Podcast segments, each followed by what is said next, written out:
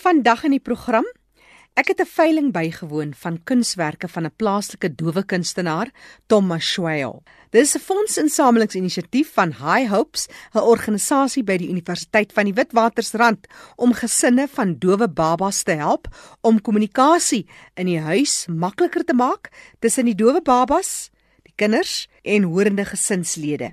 Die projek is deur professor Claudine Stobbeck begin. Ek gesels met haar ma wat bankvas agter haar staan en haar ondersteun in hierdie werk. En dan het ons nuus oor geestesongesteldheid. Wat is die diskriminasie in werkplekke en wat is van die strukture in plek om te verhoed dat daar gediskrimineer word? Later meer hieroor.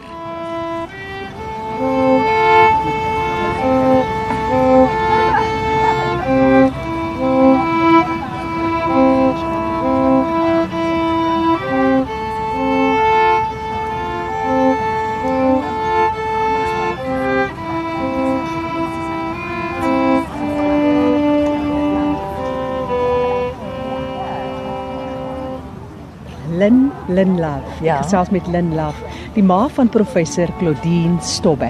Wat 'n wonderlike inisiatief. Jy seker nie bietjie trots op jou dogter nie. Ek is baie trots op haar. Wat beteken dit vir jou om te kan sien hoe sy dit net na ander vlakke toe vat en dit is so onbaatsigtig. Jy weet die diens wat sy lewer. Dis is wat my so trots maak dat sy iets doen wat sy soveel passie vir het en dis nie die geld nie. Hierdie is om net mense te help om hulle self te verbeter en dit is wat sy doen. Jy en jou man, veral haar pa, hy's nou nie meer met ons nie, maar daai ondersteuning het gekom stewig geplant op twee bene en staan agter julle dogter. Ja, hy sou hier gewees het en hy sou gebid vir elke liewe auction wat hulle uitgegee het. Ehm um, nou nou sê ek hier so dan ondersteuning kas. Ek kan definitief 'n paar rand afstaan vir so 'n goeie kos. met elke gestremde persoon en dit praat nie noodwendig van iemand wat doof of blind of in 'n rolstoel sit nie. Almal het tog 'n uitdaging op 'n een of ander manier. Maar die rol van die ondersteuner op elke sfeer van die lewe. Vertel my bietjie oor daai rol en daai besef, daai gewaarwording vir jou as persoon Lin om ander te ondersteun. Wel, my dogter is geroep om die dowes te help en ons ondersteun haar van daai tyd af, maar sy het groot geword in 'n familie wat ons altyd behoeftige families en behoeftige mense gehelp het. En so sy het so groot geword en nou is dit ons beurt om haar te ondersteun. Ons het al so baie dowe mense en maas met dowe kinders ontmoet wat ons eie familie geword het. Ons noem mekaar familie en so ondersteun ons. Dis dis nie net mense wat jy een keer ontmoet nie. So ons bly met daai wat nodig, wat hulp het, die ons bly by hulle. En as 'n mens seker so in so 'n rol, uh jou rol vertolk en jou rol speel in ondersteuning, begin daar ook 'n dankbaarheid kom vir wat jy het. Baie groot en ek moet 'n klein storie vir jou vertel. Ehm um, ons het Tommy Mswaya jare terug ontmoet, 10 jaar terug. En ehm Vertel my gou wie is Tommy Tommy Mswaye? Swaye is die dowe kunstenaar wie se uitstalling nou hierso was. En sy my man was 'n baie groot man. 6 voet 4. En so mense het hom onthou en hy het 'n baie sagte hart gehad. En eendag, een Sondagmiddag, toe breek Tommy Matswaye se kar buitekant ons huis. Toe ons uitloop, toe erken hy ons. Toe erken hy my man en van toe af het hulle so 'n gehegte band gehad. Maar soos ek sê my man is nou nie meer hier. Thank you for your generosity and support. That is so kind of you. I'm glad I met you because I've met your husband. Oh. Now I've met the better half. Yes, no, that's what I say. Oh, come on. Oh, you are. You are absolutely gorgeous. En dit was terwyl ek met Lin Love gesels het, die ma van professor Claudine Stobbeck wat haar ondersteun in die fondse wat geïn word hier vir High Hopes, dis vir dowe mense en dowe gesinne om onderrig te gee, 'n kommunikasie te help fasiliteer en te implementeer in huise. Dis toe dat professor Adam Habib se vrou vinnig daar by ons inloer. Ek gesels met Fatima want sy vertel die hele storie raak ook vir haar persoonlik. Sy vertel Very much so. You know, as I indicated, um, my husband has deaf brothers. We went through the struggle. I went through struggle as being the girlfriend and then the wife. Um, his family went through a very big struggle with two children. So it always resonated with me having deaf uh, kids in our family or uh, deaf brothers-in-law. So for me, it was a very personal thing. So when I met High Hopes and they came to see me, I think that you know we discovered this connection because I grew up with deaf brothers-in-law, and I said yes, let's do it. You know, and I'm opening out my house and my garden because this is where we can make things happen. And I do this all the time. We have lots of fundraising events here because this is a public resource, and the public must feel free to open to use it to raise money for worthy causes. This is more than a worthy cause for me. Jy's nou bevoorreg om dit te kan doen. If you want to do something, there's something to do. It doesn't have to be huge and big. Correct. And So let me let me use an example. I mean, all of us have friends. So we have. I mean, I have friends across the social spectrum, rich, poor, whatever. You know, various.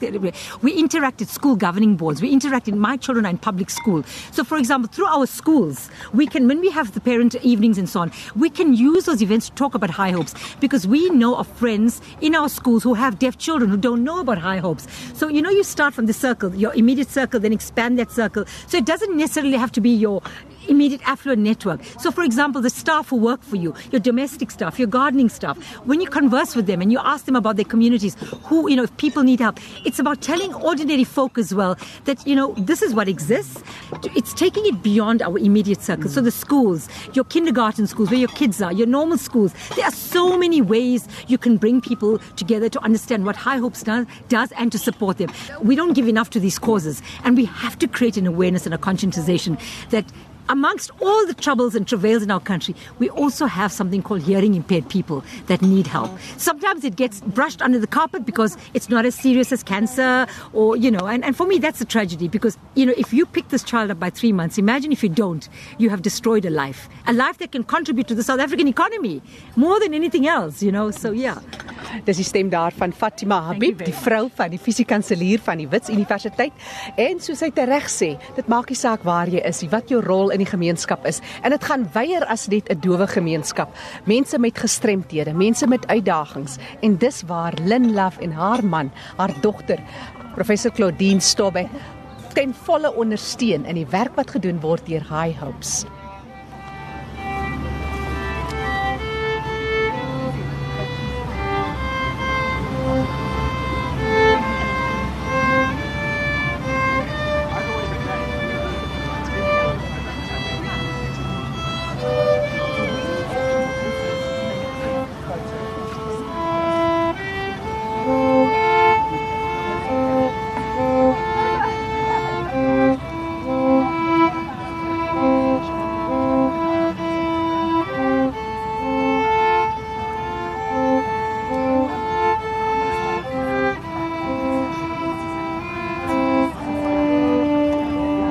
Dalk enige navrae of insette? Jy kan ook weer gaan luister na hierdie program. Gaan na ons webtuiste erisg.co.za, klik op potgooi en soek vir Leefwêreld van die gestremde. Andersins vir 'n navraag of sommer net 'n bydrae, SMS na 34024. 'n SMS kos jou slegs R1. Vir ons volgende bydrae, sluit ons nou aan by kollega Fanie de Tooy in Kaapstad. Baie dankie, Jackie. En vandag kyk ons na geestesgesondheid in die werkplek. Martie Viljoen kuier saam met ons en ons gaan hierdie saak vandag na vore bring. Welkom by RSG Martie. Hallo Fani. Vertel ons meer oor jouself, waar is jy werksaam? Wel Fani, ek werk by die Suid-Afrikaanse Federasie vir Geestesgesondheid. Ek is hulle programbestuurder vir Information and Awareness. Ek het 'n agtergrond in journalistiek en ek is so die laaste jaar en 'n half um werk ek in die geestesgesondheidsveld. Hoekom is geestesgesondheid in die werkplek so 'n belangrike onderwerp en hoekom dink jy moet ons dit bespreek en na vore bring in die gemeenskap inlig? Wel, die negatiewe uitwerking van langdurige periodes van stres op geestesgesondheid is baie goed gedokumenteer. Daar is baie studies wat wys net hoe gevaarlik stres vir ons fisiese en geestelike gesondheid is. Um daar was 'n onlangse studie deur Bloomberg in 2015 wat gevind het dat Suid-Afrika die land is met die tweede hoogste stresvlakke per wêreld. En aangesien die Wêreldgesondheidsorganisasie sê dat een uit elke 4 mense een of ander vorm van geestelike gesondheidsprobleem in hul lewenstyd sal ervaar, is dit meer as waarskynlik dat jy of een van jou kollegas op 'n sekere tyd geestelike gesondheidsprobleme sal ervaar as gevolg van stres in die werkplek. So dit is daarom baie belangrik dat ons stres in die werksplek as 'n belangrike en ernstige onderwerp sien waaroor ons eerlik kan praat. Kom ons wees nou prakties. Hoe kan 'n mens identifiseer wanneer stres begin lei nou tot ernstige probleme? Wel, almal van ons gaan deur tye waar ons onder baie druk is en waar dinge vir ons moeilik is om te hanteer. En om slegte dae te hê of om nou en dan bietjie onder die weer te voel is totaal en al normaal. Maar as jy begin agterkom dat daar meer dae is waar jy gespanne of angstig of depressief voel as wat daar goeie dae is, dan is dit 'n teken dat die probleem dalk meer ernstig as net stres is. Watter simptome is daar om oor op die uitkyk te wees in terme van depressie en natuurlik dan ook, miskien moet ons ook gesels 'n bietjie oor angs. Wat sou jy sê? Wel, nie 'n paar algemene simptome van depressie om vooruit te kyk is byvoorbeeld dat mense gereeld gespanne, senuwee angstig of angstig voel. Ehm um, as jy agterkom dat jy of 'n persoon wat jy ken dalk begin belangstelling verloor in jou werk of jy vind dit baie moeilik om te konsentreer wanneer jy by die werk is. As jy maklik oorweldig voel dalk of jy voel gereeld dat jy nie in staat is om te kan lewer wat van jou verwag word nie. As jy agterkom dat jy jou eetlus verloor of dat jy baie meer as normaal eet. Of as jy voel jy word baie maklik moeg of jy voel konstant moeg asof jy net nie energie het nie. En dan natuurlik in baie ernstige gevalle kan depressie ook na selfmoord lei waar mense begin oorweeg om jou eie lewe te neem. Um dan as ons begin praat van angs, angs kan verskeie vorms aanneem. Vanaf algemene angs tot angs wat veroorsaak word deur 'n bepaalde situasie wat ons ook na verwys as 'n fobie. Algemene simptome van angs sluit in om gereeld bleek en gespanne voor te kom. As jy agterkom jy skrik maklik vir alledagse geleide of in Engels sou ons sê jy's jumpy. Ehm um, as jy agterkom dat jy sukkel om te konsentreer of dat jy baie maklik of gereeld geïrriteerd voel of as jy agterkom dat jy probeer om sekere situasies totaal en al te vermy omdat daai situasies jou so gespanne maak. Party mense ervaar angsaanvalle of paniekaanvalle wanneer hulle angs verskriklik ernstig raak. En as iemand 'n angsaanval ervaar, kan hulle simptome ervaar soos om baie vinnig asem te haal. Ehm um, jy begin sweet skielik. Jy voel of baie warm of baie koud. Jy voel naar of jy voel lighooftig asof jy dalk gaan flou word. En party mense wat angsaanvalle kry, kla ook oor borspyn. En wat belangrik is vir mense, veral as jy dalk nog nooit 'n angsaanval ervaar het nie, die simptome van 'n ernstige paniek of angsaanval kan baie soortgelyk voel aan die simptome wat 'n mens kry as jy 'n hartaanval ervaar. So baie mense wat vir die eerste keer 'n angsaanval het, dink dalk dat hulle besig is om 'n hartaanval te hê of hulle is besig om dood te gaan. Dit is hoe ernstig dit kan voel. Ons praat oor die kwessie van geestesgesondheid en my gas is Martie Viljoen. Nou soos jy vir ons verduidelik het die uitdagings wat daarmee saamgaan en wat dit is, natuurlik ons mense met gestremthede het die normale uitdagings wat saamgaan met gestremdheid en dan het ons nog die uitdagings van die stres by die werk wat ons ervaar of in die gemeenskap ervaar. So dis nog 'n bykomende saak die impak soos wat Martie nou verduidelik. Die kwessie van alkohol en dwelmmisbruik. Wat bietjie uitbrei daaroor. In tye van uiterste stres, sal mens vind dat baie mense na middels soos alkohol en dwelms te draai om hulle te help om dinge te hanteer.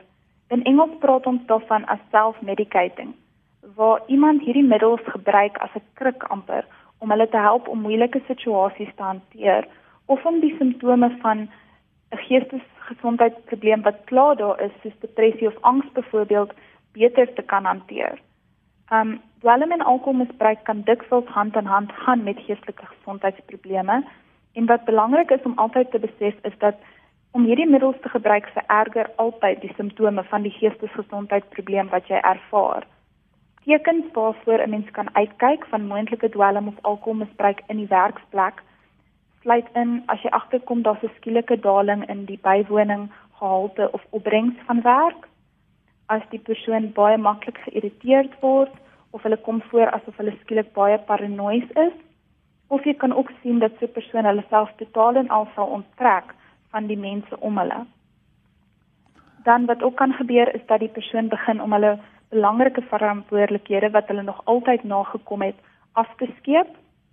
Jy kan ook vind dat iemand wat nog altyd baie gesteld was op hulle voorkoms, ewe skielik kom jy agter dat daar afname is in hulle fisieke voorkoms en hulle versorging. Dan kan dit ook wees dat jy skielik agterkom dat hierdie persoon ongewone lenings maak van geld by vriende of familie of selfs hulle kollegas. So dis 'n paar goed wat jy voor kan kyk wat dalk sal aandui dat iemand moontlik 'n dwelm of alkoholmisbruik probleem het. Dit is baie belangrik dat mense besef dat alhoewel dit jou dalk vir 'n rukkie sal voel asof hierdie middels jou help om die druk en stres wat jy voel beter te hanteer, in die langtermyn gaan dit reg net skade veroorsaak en dit gaan meer skade doen aan jou geestelike gesondheid. Groot uitdagings en natuurlik as 'n mens kyk na die wetskrif oor die regte van persone met gestremthede wat onderteken is deur die kabinet verlede jaar 9 Desember, dan kyk ons na wat is die uitdagings wanneer is mense mense met gestremthede en dan is dit uitdagings rondom die fisieke omgewing, maar ook natuurlik uitdagings rondom die stigma wat kleef aan sommige forme van verlies en dit bring my by die vraag mense is bang, mense hulle kom nie na vore nie wanneer daar geestes gesondheid uitdagings ervaar word as gevolg van stigma en diskriminasie. Wat sê jy vir ons daaroor? Ja, dit is 'n groot probleem dat mense met geestelike gesondheidsprobleme in die werksplek ervaar ook dikwels diskriminasie en mishandeling of dit nou is van hulle kollegas of dalk van die bestuur af. En dit is baie belangrik dat mense besef hoeveel wette daar in Suid-Afrika is wat hulle regte in die werksplek beskerm, soos wat jy nou net genoem het. Ons praat hier van die grondwet van Suid-Afrika, die wet op arbeidsverhoudinge, die wet op gelyke indiensneming om net 'n paar te noem. So mense moet besef dat die wet is regtig aan jou kant in sulke situasies. Dan mense wat voel dat hulle teen hulle gediskrimineer word in die werksplek as gevolg van geestelike gesondheidsprobleme of enige ander probleme wat hulle het, kan ook gerus die Mental Health Watch reporting system kontak. Um die Mental Health Watch reporting system is 'n stelsel wat ons by die Suid-Afrikaanse Federasie vir Geestesgesondheid begin het, juis om mense te kan ondersteun en advies gee in gevalle waar hulle voel hulle menseregte word geskend. So as hulle op ons webtuiste gaan kyk, sal hulle al die kontakbesonderhede daarvoor vind en hulle kan ons bel, hulle kan 'n e-pos stuur, hulle kan selfs 'n SMS of 'n WhatsApp boodskap stuur en ons sal hulle dan raad en ondersteuning gee gebaseer op wat hulle saak is en wat met hulle gebeur het oor wat die regte manier is om hulle self en hulle regte te beskerm en ons sal hulle ook in kontak kan stel met ander mense wat hulle sal kan ondersteun. Dis Martha en Viljoen wat so lekker met ons gesels van die Federasie Geestesgesondheid en die tyd is besig om uit te hardloop in vandag se gesprek, maar ek wil by 'n volgende geleentheid wil ek met jou gesels oor maatskappye.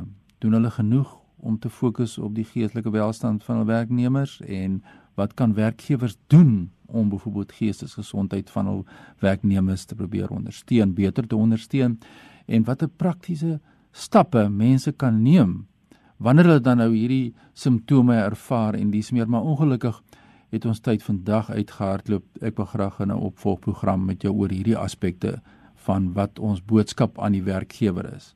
Maar gee ons net so kort opsomming. Wat sê wat sê jy aan werkgewers? Wat moet hulle doen vinnig voor ons afsluit?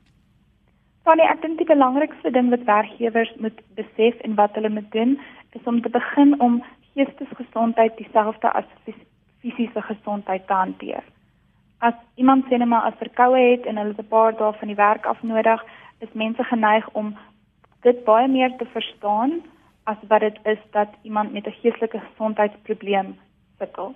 So ek dink die belangrikste ding wat ek vinnig sou sê, is net dat 'n mens moet begin om hierdie goed op dieselfde vlak te hanteer en om vir werknemers dieselfde ondersteuning te gee of dit 'n geestelike gesondheidsprobleem is en of dit 'n fisiese gesondheidsprobleem is.